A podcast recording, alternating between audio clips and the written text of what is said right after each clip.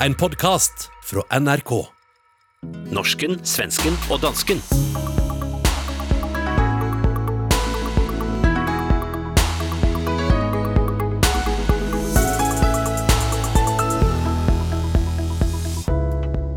Var det krokodilletårer eller var det ekte da Mette Fredriksen gråt på TV? Danskene stusser. I Sverige skaber en barnebok om Sør-Afrika rasisme-rabalder, mens en norsk politiker smiler stadig bredere med god grund.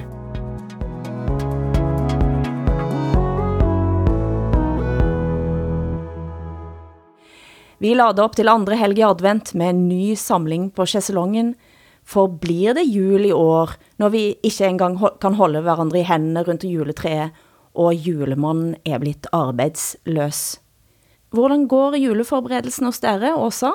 Jag har kontroll. Jag har satt upp en julstjärna i fönstret och jag är den enda på hela Södermalm tror jag som har en röd stjärna. Alla andra har vita stjärnor i fönstret. Det ser ut som liksvepningar, som att man är på väg in i ett bårhus med bara döda människor. Eh, Jag är den enda som har en röd stjärna. Det hade man när jag var barn, det har man fortfarande. Det har ingenting med politik att göra, men så ska det se ut tycker jag. Eh, Det var akkurat det jeg var i færd med at sige, hadde dette noget med din barndom at gøre, men der fik jeg avklaring på det. Jag skulle aldrig ha en vit stjärna i fönstret. Det är som att se döden i ansiktet. Hassan, har du hvit stjerne, eller har du stjerne? Har du jeg har, noget det jeg har, ja, jeg har sådan nogle hvide øh, lyskæder øh, og et, øh, et hvidt, øh, et hvidt, øh, en hvid gren, som øh, står her i mit øh, vindue med pynt på. Og så har jeg bestilt et øh, juletræ på internettet. Øh, et plastikjuletræ. Nej, som er, ikke som er sige det. et- Vær så et- snäll. 180 meter højt. Men det er fordi, jeg har, øh, øh, Hilde, og så jeg ved ikke, om I ved det, men jeg har allergi, så når der kommer, et, når der kommer et græntræ ind i mit hus, og græntræet ligesom begynder at opleve julevarmen, så ligger jeg herhjemme og er syg hele julen. Så derfor øh, bliver det i år et, et, øh, for første gang et plastikjuletræ. Grattis, fantastiskt. Ja. Altså for mig, som er da født inde i en skog, og som er en skogsarbejderdatter, eh, så er dette faktisk den eneste gyldige undskyldningen. Jamen altså, men, men Hilde, hvis man har et plastikjuletræ i 10 år, så har man belastet miljøet mindre, end hvis man køber et nyt øh, levende juletræ hvert eneste år. Alltså det här med klimatet, det börjar bli som det här nya, alltså den som först drar Hitlerkortet, den, den liksom så här. Nu är Ja. det klimatet som man sabbar alla samtal med. Så, så tråkigt, så tråkigt Hassan.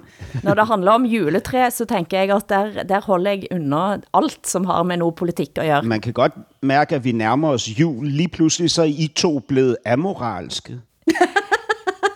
Som om, som om det skedde nå, tænkte du? Ja, jeg ved det ikke. Er det fordi, I skal ud og købe bling-bling til jer selv, at I har lagt moralen på hylden? Du kan ikke snakke... bling bling ja. Ja. Du kan trenge heller ikke snakke om moral, for jeg vet hvad du har købt i det sidste, Hassan. Jeg har købt øh, Danmarks største fladskærm. Vad sa du? Vad har du köpt? En fladskærm. TV på væggen. Flatskærm. Aha, en, platt, en plattskärms-tv. Hedder det platskærm på svensk? Lätska.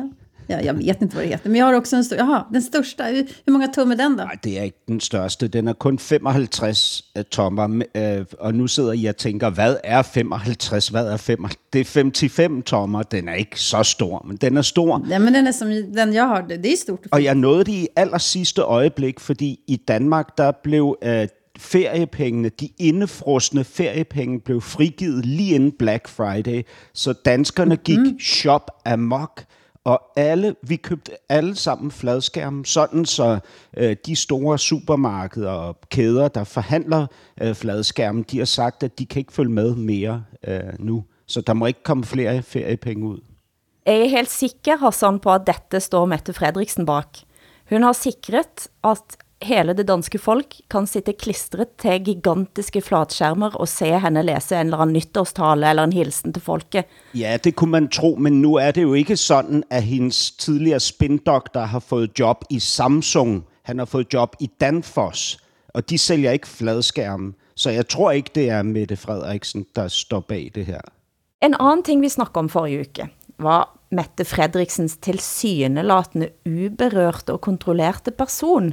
Selv hårknuten hennes tyder på det. Men så, ret etterpå, så brast altså dæmningen. Hun var på besøg på en minkfarm. Vi kan høre her, hvordan det lød, da hun traf et fuldsatt pressekorps efter besøket. Vi har eh, to generationer af, af rigtig, rigtig dygtige minkavler, far og søn, øh, som på meget, meget kort tid har fået knust deres øh, livsværk. Og det, det har været følelsesladet for dem, og undskyld, det er det også for mig. Øhm, og som jeg lige sagde her til sidst til både Peter og Andreas, at når vi er på den anden side af det her, og forhåbentlig har fået lavet en ordentlig aftale om kompensation, så håber jeg, at de og alle andre minkavler vil huske, at det var ikke på grund af dem, og ikke fordi, at de har været dårlige minkavlere. Tværtimod, så er øh, når det verdens bedste minkavl, det foregår lige præcis her, hvor vi står. Men det er på grund af coronaen. Øhm, og det håber jeg kan være et lille lys i mørket på et tidspunkt for danske minkavlere, at det er simpelthen ikke deres skyld, at det her erhverv skulle gå ned. Og så du etterlyste Mette Fredriksens følelser. Hvad siger du nu? Nej, men jag tänker så här, eh, om jag förstår det hela rätt så har väl Mette Fredriksson blivit ifrågasatt ifall det här är äkta tårar eller om det är fejktårar. Jag tänker det kan ingen av oss avgöra. Det är, det är ganska osmakligt på något sätt att ifrågasätta att hon gråter på riktigt, tänker jag. Uh, är hon så, jag vill inte tänka att hon skulle vara så manipulativ, jag vill inte tänka så om människor överhuvudtaget. Ja, men der har jo selvfølgelig været øh, den kritik, som Åsa også påtaler nu, at øh, en del har sagt, at det er udspekuleret, at det er spin, det, det her med, at hun stiller sig op foran den her minkfarm og græder. Øhm, men, øh, men, men altså, Åsa har jo fuldstændig ret. Vi ved det jo ikke. Altså, vi, vi aner jo simpelthen ikke, hvordan hun har det inde i. Altså, det kan vi jo kun gisne omkring.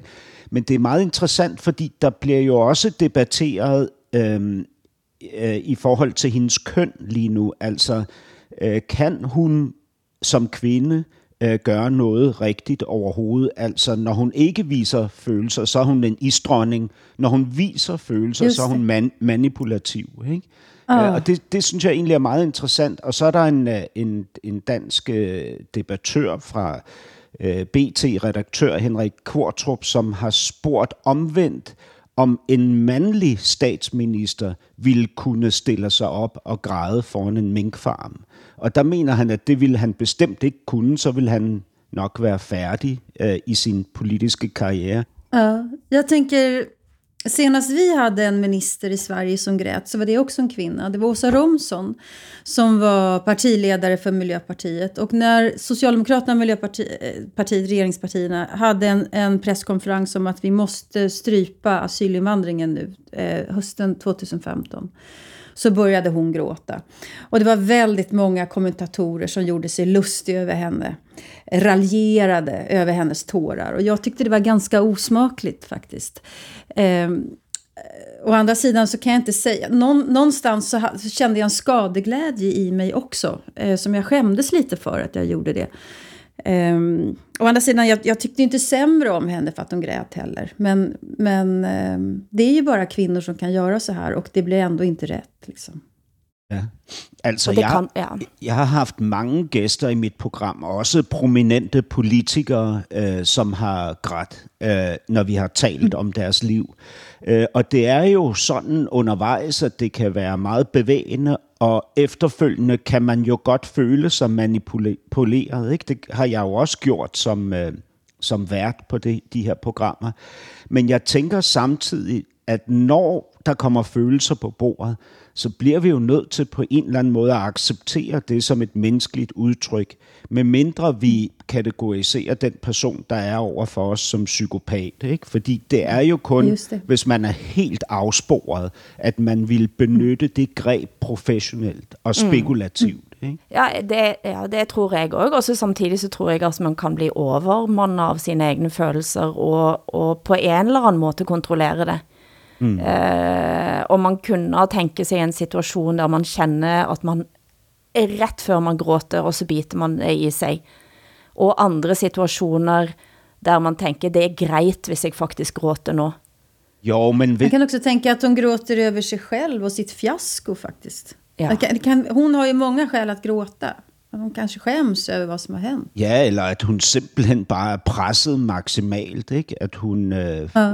ligger vågen Vist. om natten, at hun har øh, tusind bekymringer hver eneste dag. Hun har mm. jo også børn, hun skal tage sig af, en mand, mm. øh, venner, familie osv.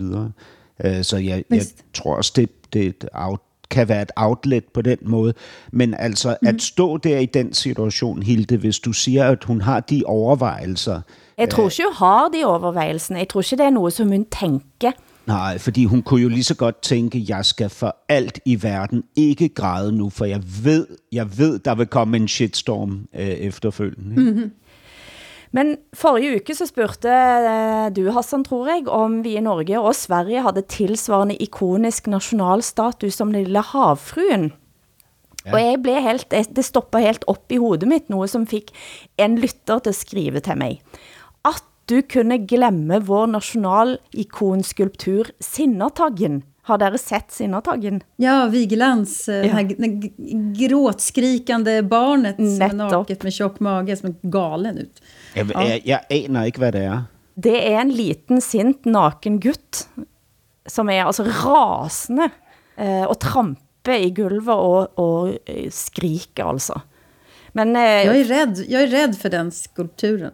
Men føler du at den opsummerer den norske folkesjælen? Nej, det där tycker inte jag är den norska, norska folksjälen överhuvudtaget.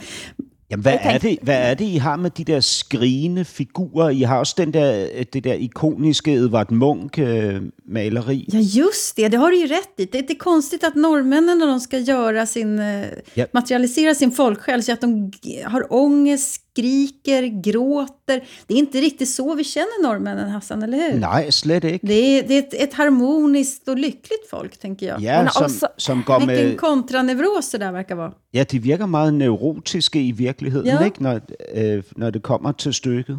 Men jeg har jo prøvd nå i noen uker, og jeg har ikke gitt op, at vi en gang skal bruke tid på at snakke om norsk metal, altså black metal. Eh, Ja, det har gått en dokumentarserie på NRK som heter Helvete, som jeg faktisk vil anbefale at se i fire eh, episoder, som netop viser Altså, det er, det er den voksne sinnertaggen, altså, men det er skri, blanding av sinnertaggen og skrik. Eh, Det er kanskje det er naturen som gjør sånn, og jeg tenker jo av, av og til at jeg føler mig stadig oftere så, som sinnertaggen. Hør, hører du øh, sådan noget black metal, øh, når du skal slappe af, Hilde? Nej, men vet du hvad? Faktisk så er det sådan, at når jeg hører den, eh, den dokumentaren, så tænker jeg, dette, jeg forstår, at det er en stor eksport, fordi det, altså man hører, at det er godt gjort, faktisk, og at det er bra musik, men nej, jeg, jeg, hører ikke, jeg hører ikke på, men jeg kunne faktisk hørt, jeg kunne hørt på noe av det mest symfoniske, hørende en, Enslaved for eksempel, med, med symfoniorkester, så er det ganske storslått. Jag ska titta på den där tv-serien. Det- Jag ska göra det. Jag, det Ja. Jeg bliver en lille smule bange nu, øh, Hilde, for hvem du i virkeligheden er. Og hvad du, hvad du kunne finde på at bruge den der sølvkniv til. Det er en grund til, at vi har panskandinavisk familieterapi, Hassan. Har du ikke forstået det? Nu forstår jeg det endelig. Du hører norsken, svensken og dansken i SR, DR og NRK.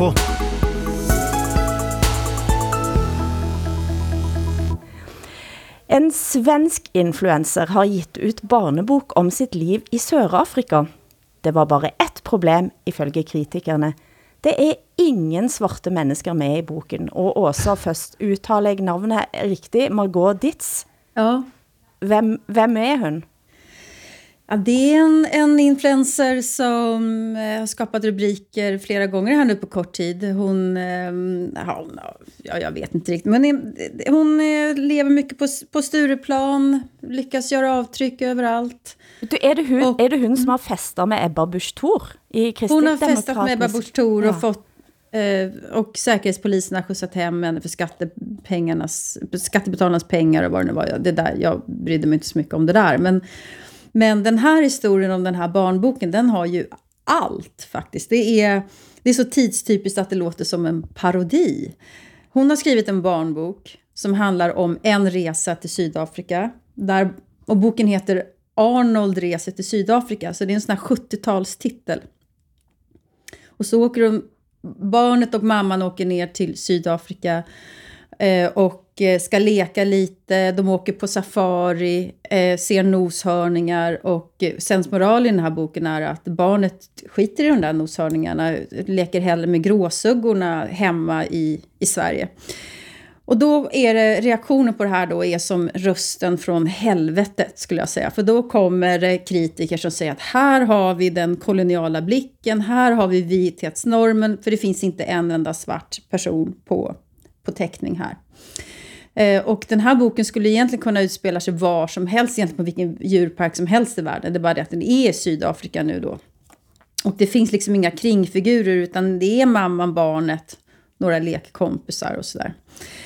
Och eh, så i detta som man kan tycka trodde nästan var ett skrivet manus från början så dyker då förläggaren upp och säger att åh, jag ångrar alltihopa, eller han ber om ursäkt för alltihopa. Och sen så är det då typiskt Sverige, så här går bara runt, runt, runt, runt, runt. Men altså, vi kan høre her forlagschef Claes Eriksson lægge sig helt flat på Studio 1 på SR. Och tanken har ju varit att skriva en, en, en helt uh, opolitisk bok. Uh, men slutsatsen är ju nu att den här kontexten som utgör ja, men liksom fonden till berättelsen, den är omöjlig att inte beröra politiskt. Varför oavsett det? Vad, ja, men för att uh, oavsett vilken story, alltså vad boken handlar om eller vilken målgrupp uh, som den tar upp, uh, så är det ett ett ämne som, som, som många eh, ser på politiskt och då är det utifrån den, de förutsättningarna som man måste, eh, som man måste eh, läsa det. Hassan, hvad tænker du om at forlæggeren her trækker sig? Altså, hvad, jamen, hvad, hvad er det for noget? Altså, hvad er han for et menneske? Altså, hvad, hvad er det, der sker? Altså, prøv at høre, en forfatter er fri til at skrive sin fucking egen historie, som han eller hun har lyst til. Ikke? Hvis I ikke kan holde bogen ud, så lad være med at købe mm. den. Ikke? Og at en forlægger på den måde skal gå ud og være moralsk vogter, eller ligesom angre sin søn, fordi han har udgivet noget, som ikke lige kan slikke røv på tidsånden. Ikke? Altså, hvad fanden er det for Det noget? Jeg bliver... Altså, Det jamen, prøv at høre, det, det er jo... Ja, jamen, man betragter jo læserne som børn, hvis man, hvis man ikke kan øh, give dem... Give dem Jamen, jamen, altså, det er jo forældre, der køber den, ikke? Det er jo ikke femårige børn, der går ned i en boghandler og siger, jeg vil gerne bede om et racistisk værk. Altså, det er jo forældrene, der står og køber de bøger, og de kan jo lade være med at købe bogen, ikke? Altså, nej. Men man kunde ju föreställa sig det här att, att istället för att skriva, eller kalla boken så Arnold reser till Sydafrika så skulle man kunna säga ah, Arnold reser till, och så hittar man på ett land. Ah, Arnold reser till eh, eh, Rosenlandet, därför hittar jag bara på någonting här, men, eller Bergslandet, vad som helst. Eh, då hade det inte blivit en diskussion, men nu är det just Sydafrika. Och då måste man lägga in Sydafrikas hela, hela historia i den här barnboken för barn som riktas mellan 0 till 3 år. Det kräver ganska mycket skulle jag säga. Å ena sidan så kan jag, om- den här eh, Margot Dietz skulle jag nog säga, hon är nog ganska omedveten också om saker och ting. Men, men hon har ändå rätt att skriva sin bok så som hon vill. Hva, Naturligvis. hvad nu hvis hun havde skrevet en bog, hvor der var sorte mennesker og hvide mennesker, og den foregik i Sydafrika, men hun har ikke et kapitel med om den AIDS epidemi, der ramte landet, og hvordan, og, altså, man, jamen, jamen, altså, hvad, hvad, hvad er det for noget? Er folk blevet vanvittige? Altså, Det går inte att göra rätt när man, man förlägger en handling i vissa länder. Det är helt omöjligt. Men jeg ser for mig den køen av forlæggere, som skal gå ut og, og, og rett og slett undskylde sin passivitet under utgivningen. Ja. Altså, det er jo også en for yrkes eh, skyld. Så tænker jeg at en forlægger som bare siger, jeg har været passiv i den utgivningen. altså, det er jo sådan, da bør du faktisk slutte i din jobb. Eh, Ja, det, är, det är förbluffande faktiskt. Men, men, men må jeg sige en ting, fordi der er faktisk noget meget alvorligt omkring det her, ikke? Og det er, jeg, jeg har en datter på 10 år, som I ved. Jeg lærer hende, at hun må ikke gå ud og give en undskyldning, hun ikke mener, Nå, bare for at få fred. Mm. Ikke? Bra. Det er faktisk ret Ja. væsentligt. Ikke? Øh, og og hvis, hvis man opbygger en kultur, hvor folk tvinges til at sige undskyld for noget, de egentlig ikke synes, de bør Netop. undskylde, ikke? Så, så får vi jo et, et forløjet fundament at stå på, ikke? Øh, og det, det er en katastrofe. Det synes jeg faktisk, vi skal tage alvorligt. Så jeg vil sige til den forlagschef, hvis han lytter med her, skam dig. Men til Danmark. Dansk Folkeparti havde jubilæumsårsmøte forrige helg. Vi har snakket om det flere ganger, men nu stormer det virkelig på toppen hos 25-åringen. Og hvad er sidste nyt her nu, Hassan?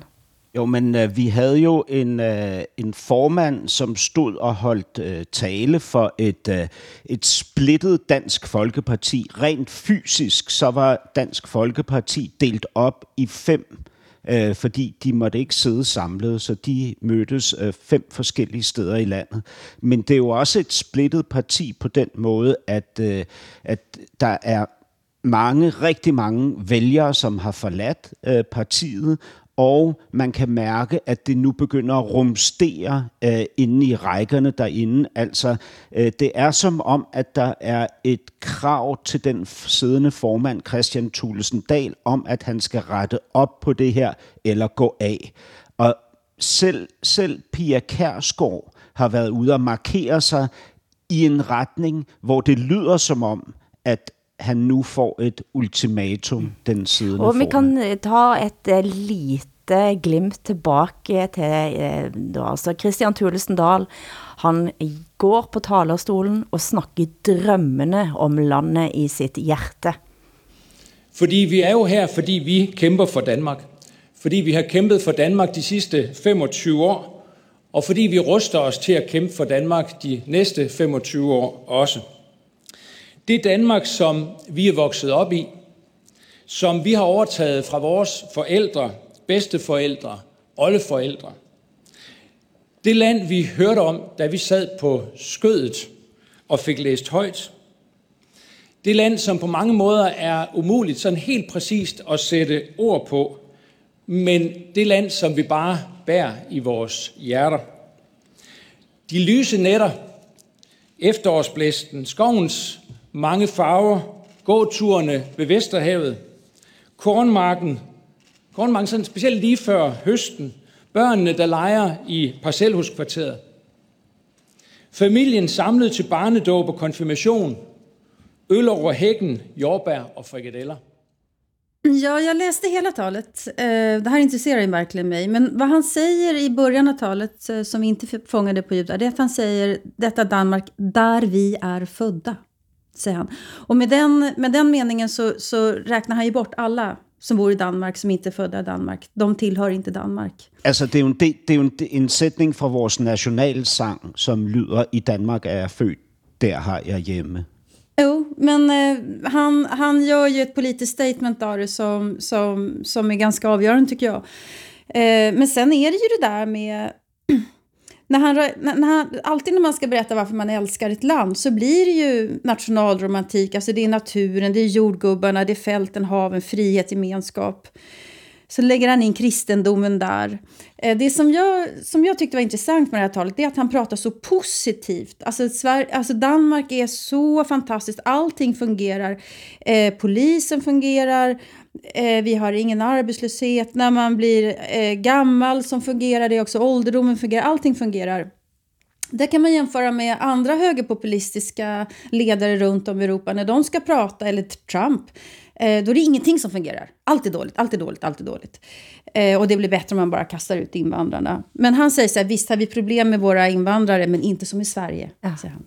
Eh, och sen så är det, är det udden riktad direkt mot eh, muslimerna. Jag tyckte det var ett mycket intressant tal, det var ganska otäckt.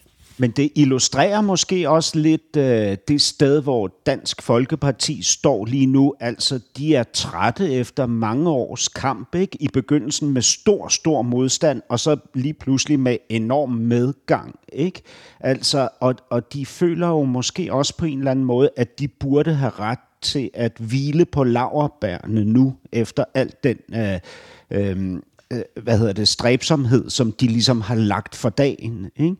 Øh, men, men altså mit bud er, at, øh, at Christian Thulesen Dahl ikke er den, der kan bære øh, Dansk Folkeparti ind i fremtiden, fordi han er for tilbageskuende. Altså, mm. og, og der skal en radikal forandring til, for at Dansk Folkeparti igen bliver markante. Ikke?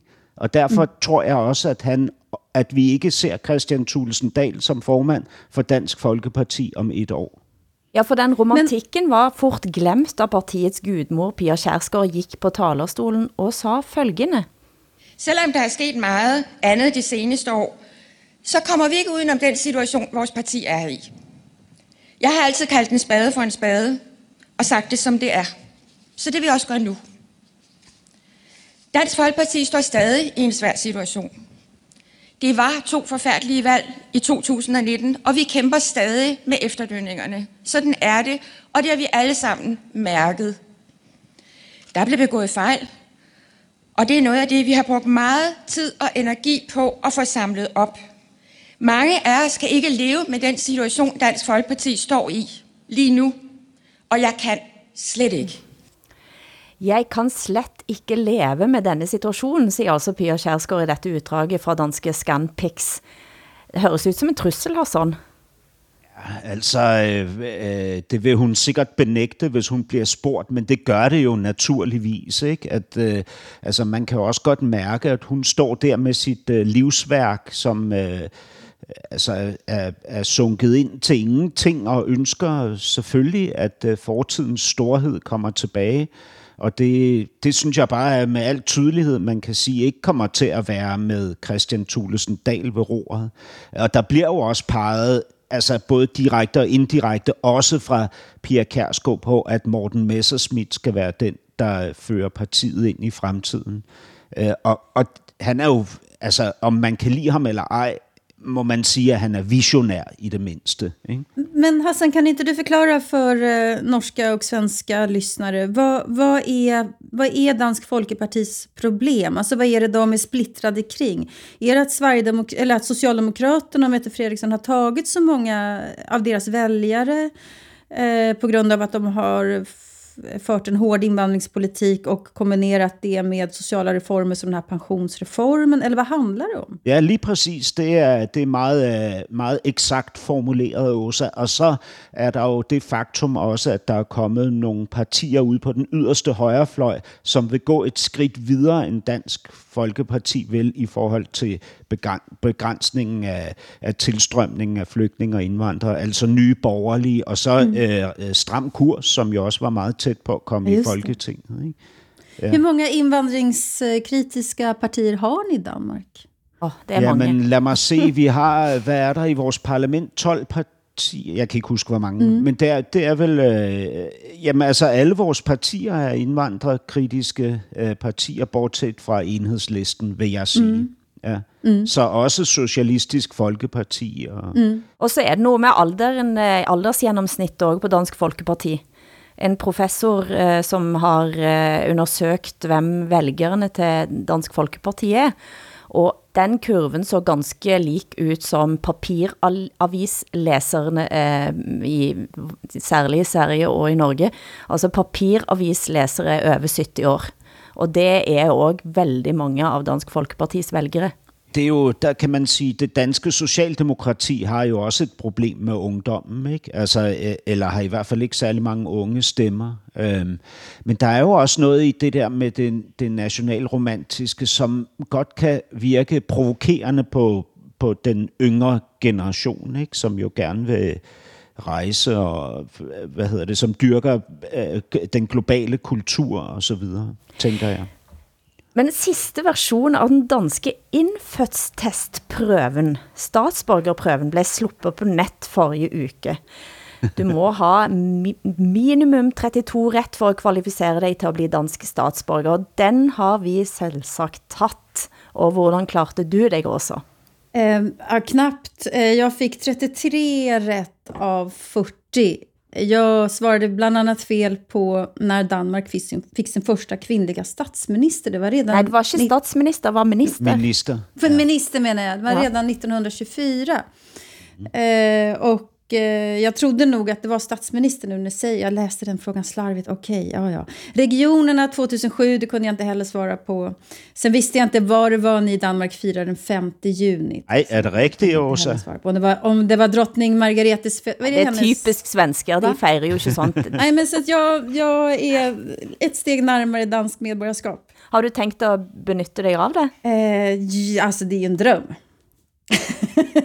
Ja, jeg trodde alltid du skulle til Norge. Jo, känner att jo, det men det ena utesluter inte det andra. Jag tycker att vi ska slå ett slag, nästa år tycker jag ska vara det samnordiska projektet. Att vi ska slå ihop de här länderna helt enkelt, så kan man ha ett gemensamt medborgarskap. Ja.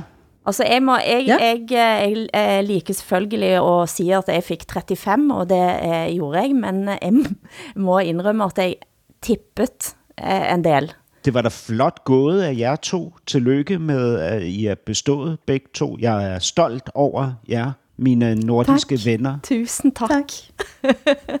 Men många rätt fick du Hassan? Får du fortfarande vara medborgare i Ja, jeg fik, øh, jeg fik øh, 39 rigtigt. Det betyder 39.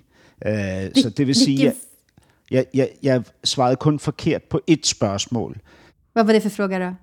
Jamen, det var selvfølgelig noget, der involverede Socialdemokratiet, og jeg, jeg, jeg, jeg, jeg svarede forkert med vilje. Men, men må jeg ikke godt lige la- øh, korrigere mig selv, fordi jeg sagde for et øjeblik siden, at det er samtlige partier i vores parlament, som er indvandrerkritiske.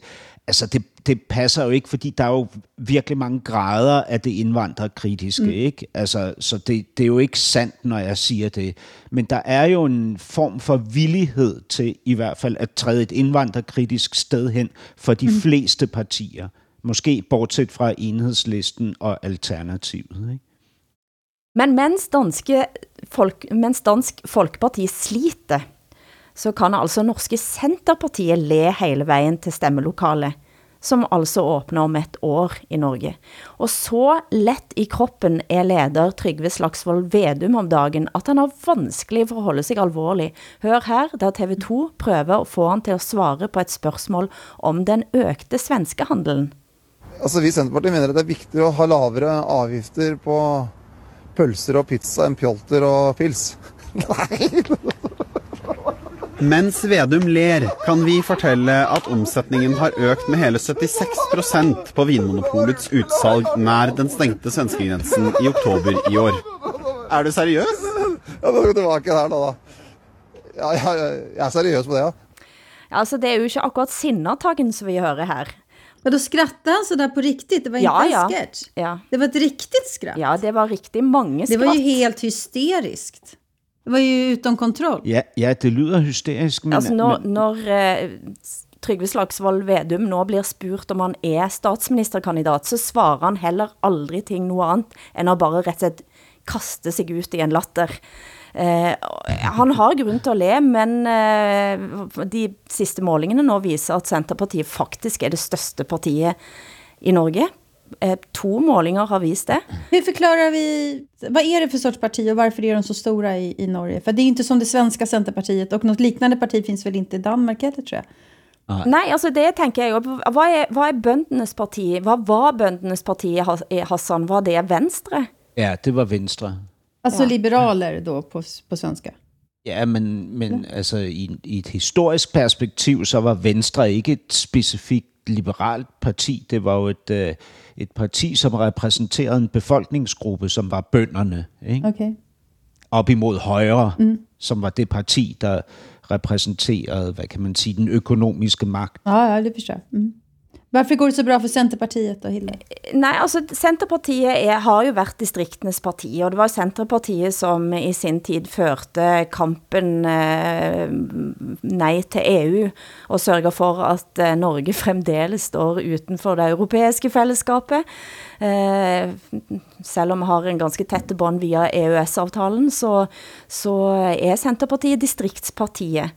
Eh, og der er mange politiske saker i øjeblikket, der det slår ind. Man har kampen mot vindmøller, eh, bompengepartiet, som kom op, oplevelsen av at eh, afstanden til Oslo øker øke. Eh, og det er faktisk sådan, at Centerpartiet nu begynder at spise sig ind og i byene, bortsett fra altså Oslo og Bergen, der Arbeiderpartiet eh, gør det bedre, så er Centerpartiet for eksempel stor i Tromsø. Eh, men så er det også noget med, at Centerpartiet nå faktisk begynder at snakke om andre typer saksområder. Det at de fik Jan Bøhler fra Arbeiderpartiet over til sig, eh, var et ganske stærkt signal. Jan Bøhler, som representerer Groruddalen, altså en av eh, bydelene utenfor Oslo, som sliter med mye av de samme problemene, som man ser både i, i København og i Stockholm og, og, og flere av de andre skandinaviske byene. Eh, så de begynder at få en eller anden form for ejerforhold til, til andre sagskomplekser. I tillegg så tvinger de også de andre partierne til at begynde at tænke mere distrikt. Men det vinner også tydeligvis kun Centerpartiet på, fordi det er en sak, som de har så stærkt ejerskab til.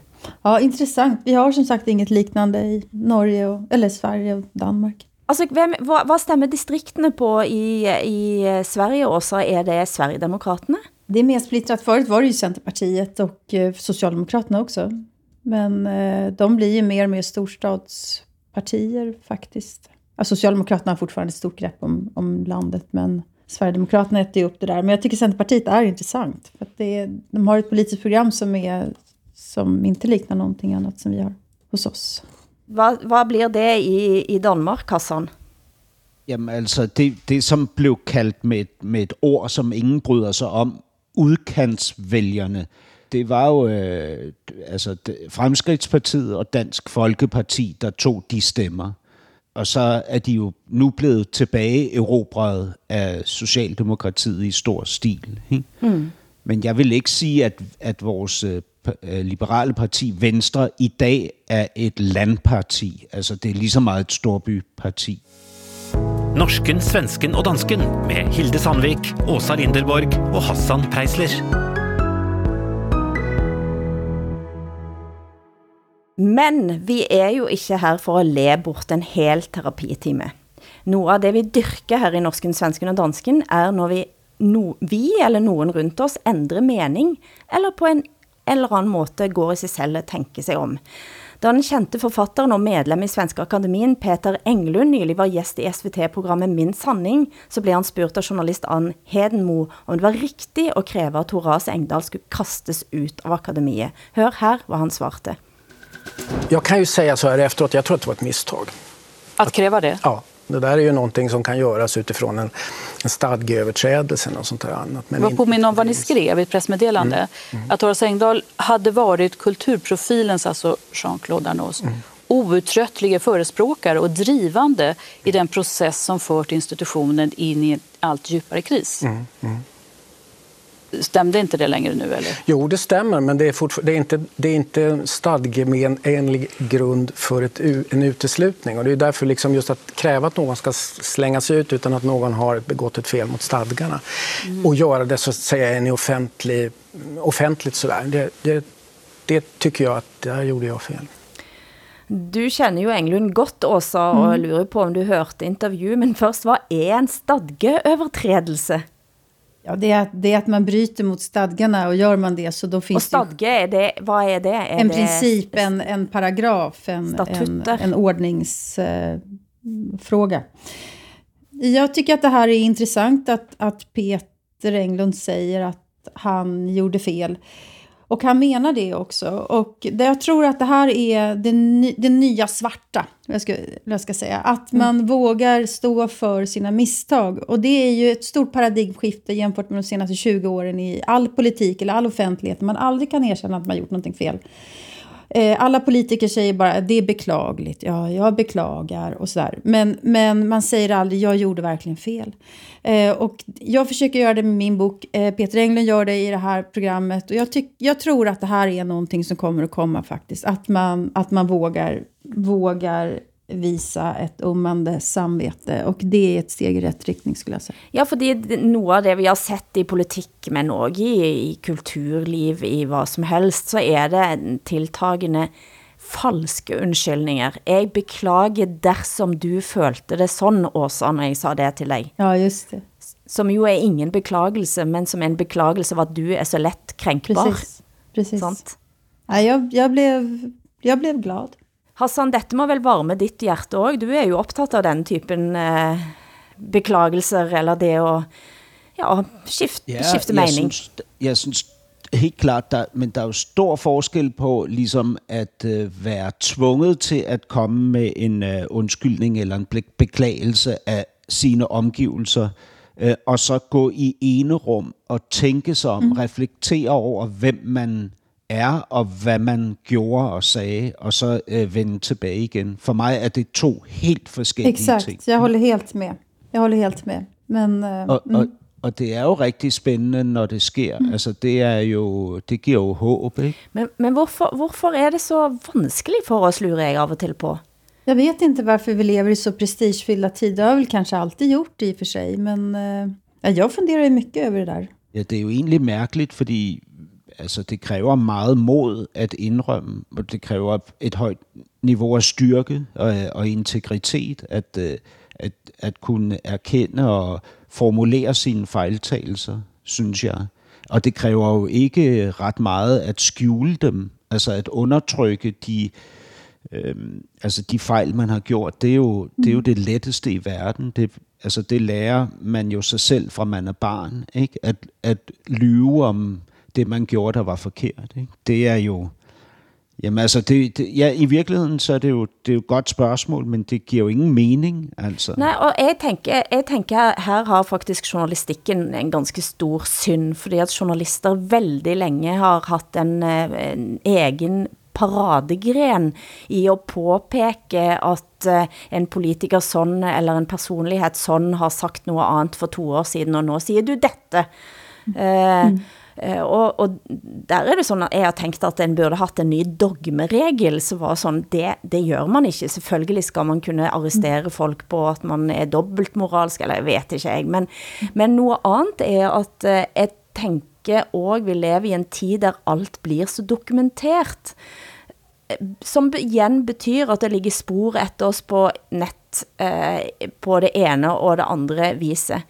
Og jeg har sett en tiltagende eh, krav til at slette, slette gamle saker, eller jeg, jeg liker ikke at det står det om mig, og så videre. Og da tænker jeg at vi bør også ha en offentlighed, som er langt mer undskyldende, og sige at det er helt greit at man har dummet sig ut, Mm. sagt noget fejl, Mm. eh, vært et dårligt menneske til og med. Mm.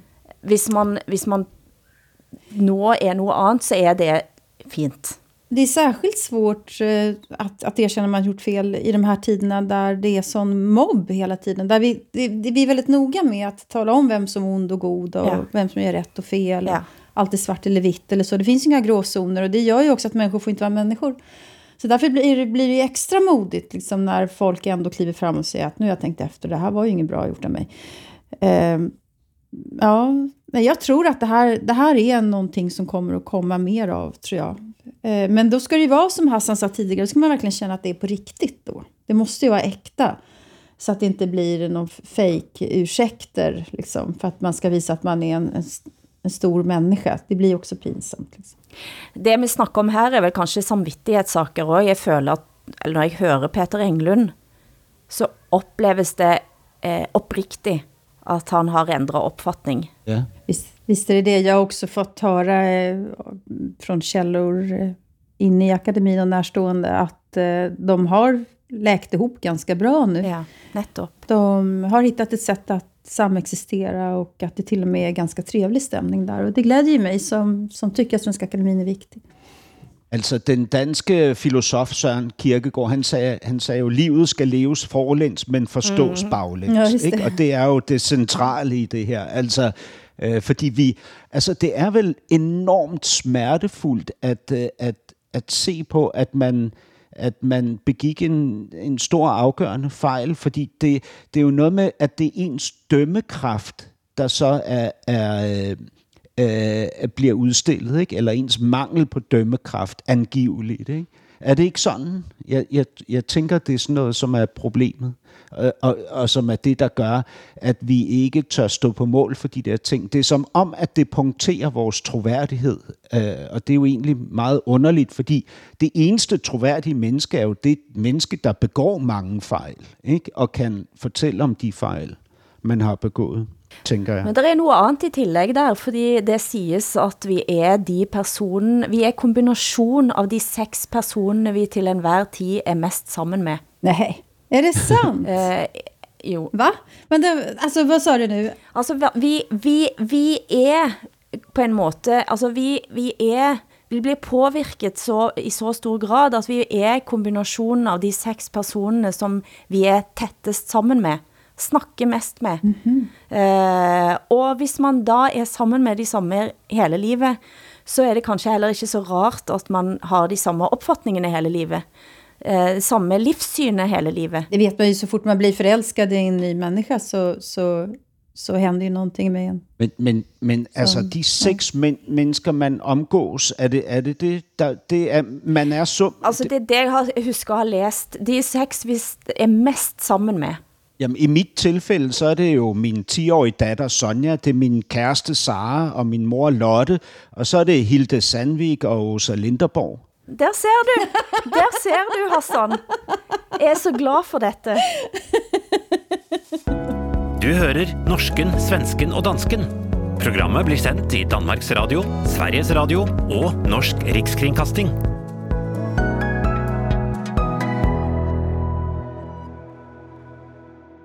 Altså, når vi er inne på samvittighet, eh, Hassan. Du snakker i forrige uke om at corona havde tvunget dig til kernen av dig selv, og nu har du altså fået en norsk sjælevenn. Jeg er en av de triste gutter. I høst har jeg skjønt hvor mange vi er, skrev altså Martin Holmen, programleder på MP3 på P3 denne uka. Tidligere har han skrevet om poseringen av lykkelige liv på Instagram, mens han selv kendte sig på bunden. Eh, har du noget råd til unge Holmen, Hassan? Nå, men altså, det er jo en fin proces, han er ude i. Uh, man skal jo bare selvfølgelig passe på, at ens uh, uh, hvad hedder det, forandring ikke bliver det næste Instagram-moment. Ikke? For, uh, så, så det vil jeg sige, uh, at de, de meste fundamentale forandringer, de sker i stillhed. Så du mener, at det at han i det hele taget skriver er en uh, liten uh, posering, eller? Ja, ikke? Altså ligesom jeg sidder her øh, uge efter uge og fortæller om, hvordan isolationen har gjort mig til et bedre menneske. Ikke? Men det er jo noget lidt alvorligt her også, og han har åbenbart fått uh, mye tilbakemelding fra andre gutter. Nej, men jag fattar inte varför skulle det vara mer synd och mer jobbigt för unga drängar, pojkar, män att sitta ensamma än, än för alla andra. Sitter inte de och runkar alltså, ändå är... bara, nu kan de göra ja. det som de vill. Nej, men det jeg lurer lidt på, er, altså jeg har, jeg har jo bragt ind de to tenåringene mine hjemme, som jeg diskuterer mye med. Uh, og begge to, det er en jente og en gut, siger, at de kender veldig mange gutter, som uh, har det tøft. Uh, og en fælles benævelse for de er også, at de ikke snakker med nogen Men det är intressant, det. för det betyder ju att den här gruppen i samhället, unga män, de, de, är sår, de är väldigt sårbara i alla andra sammanhang också. Det kan inte bara ha att göra med corona. Och det här är ju faktiskt ja, det, är något, det här är någonting att ta på allvar då i så fall, tycker jag. Eftersom när vi pratar om könen eh, hela tiden så är det med fokus på unga kvinnor eller kvinnor och sådär. Och det är ingen som pratar för de unga männen. För jag har ju hävdat hela tiden, det är ganska svårt att vara man eh, också. Eh, oavsett ålder skulle jag säga. Så då ska jag inte, då ska jag inte eh, håna de här unga männen något mer då. Det är ett vittnesbörd helt enkelt. Men det är inte alla unga som syns att ta så tungt på pandemin. Gymnasieelever i Östersund misstänktes för att organisera spredning av covid-19, meldte alltså SVT sist uke. Og igen så er det svenskene som overrasker mig. Jeg trodde det var et land full av ordning og reder, og så er det rett og slett bare en gäng med anarkister også. ja, just det. Ja, så de blev, de blev anklagade, de här gymnasieeleverna, för att ha fått, fått corona, dragit på sig corona för att de ska kunna åka russebuss, heter det på norska, va? Sån här flak, ja, eh, till, eh, till studenten i vår. Så, men det gick inte att bevisa att det faktiskt var så. Men eh, ja, kreativt kanske man kan säga. Ja. På, på, eh, på idiotskalan. Og da overrasker det mindre at særlig én dansk næring finder smutthull i coronareglene, for, for pludselig så har fitnessverden fået et nyt tilskud. Fortæl, Hassan. Jamen altså, øh, be, bestemte swingerklubber, de falder ligesom ind under de regler, som er for, for fitnesscentre. Og det vil sige, at, øh, at du kan faktisk øh, møde op i en swingerklub, og den eneste beskyttelse, du skal have på, det er et kondom. Nej, Øh, är det sant? jo, øh, ja. Altså, øh, der, der må være øh, altså et menneske per 4 kvadratmeter, så hvis det er en stor swingerklub, som øh, nogle af dem er, så kan du have op til 175-175 mennesker samlet, øh, som kan dyrke sex med hinanden på kryds og tværs uden mundbind. Är det, är det här ett skämt? Är det ett joke eller är det sant? Nej, det er sandt. Det er fuldstændig sandt.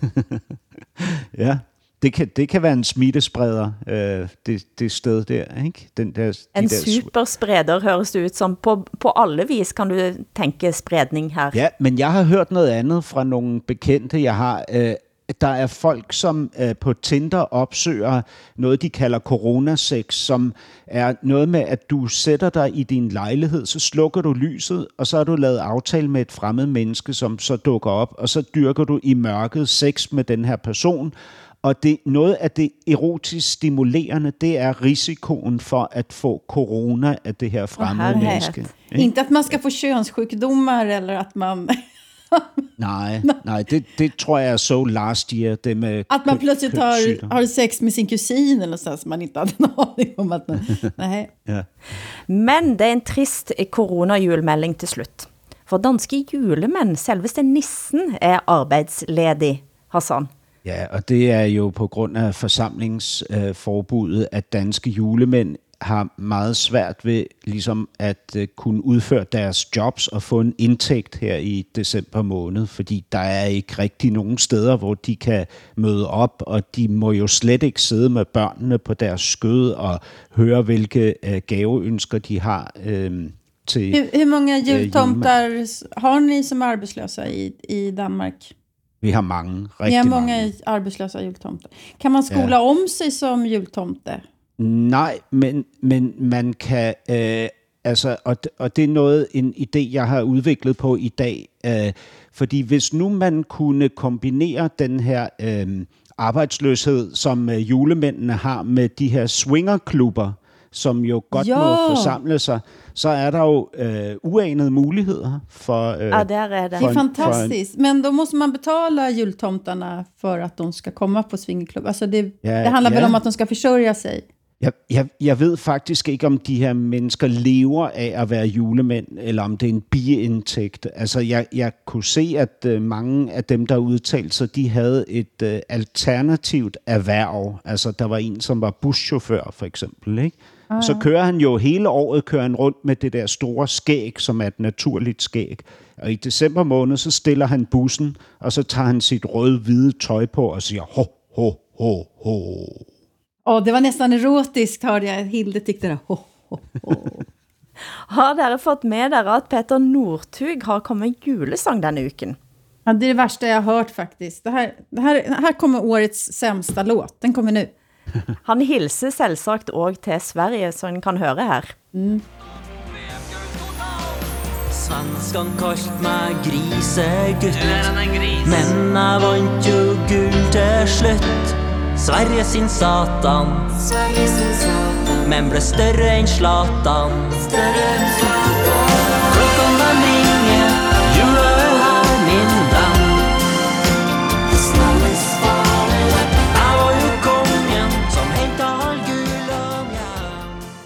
Ja, hvad tænker du også? Större än Zlatan. Var då någonstans? I, I Milano eller i Barcelona eller i... I, Sver I Sverige tænker han kanskje. Manchester eller... Jag blir så provocerad. Nej, altså jeg må indrømme, altså jeg er orker ikke at gå ut med Petter Nordtug i monitor, så la oss heller give sidste strofen til det danske Instagram-kontoen Anders Søby Hemmingsen med en million følgere, der han denne uken postet en julesang fra søstrene Lisa og Senia Englert, altså jentene som var med i Melodi Grand Prix Danmark i fjor. De har en nyskrevet corona-opdateret julesang for tiden om døde mink, stengte barer, st strenge politikere, det er da træls. Er det, er det forresten på en julemelodi dette, Hassan? En dansk julemelodi? Ja, det er det, og man skal lige vide, at træls er jo et øh, jysk ord for noget, som ikke er godt. Og hvilken, hvilken julesang står den i højskolesangboken, som vi har snakket om? Ja, det er jo, øh, det er jo sangen Et barn er født i Bethlehem. Ah, som har så mange melodier. Jeg kan to i Norge, men ingen, denne har jeg ikke hørt på den melodien. Ah, nej, det, ja, er det en anden melodi?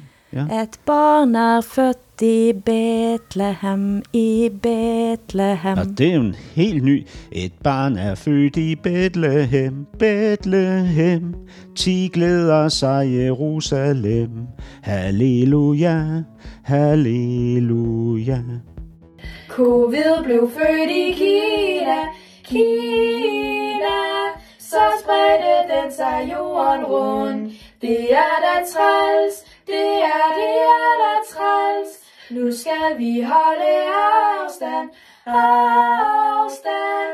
Klubberne lukker klokken 10. Det er da træls. Producent har været Henrik Hylland Ulving. Tak til Åsa Linderborg og Hassan Preisler. Mitt navn er Hilde Sandvik, og vi høres igen om en uke. Det er da træls, det er, det er da træls. Og glem nu ikke spriten, spriten. Og er du syg, så stay the fuck home. Selvom det er træls, selvom det er træls. God jul. God jul.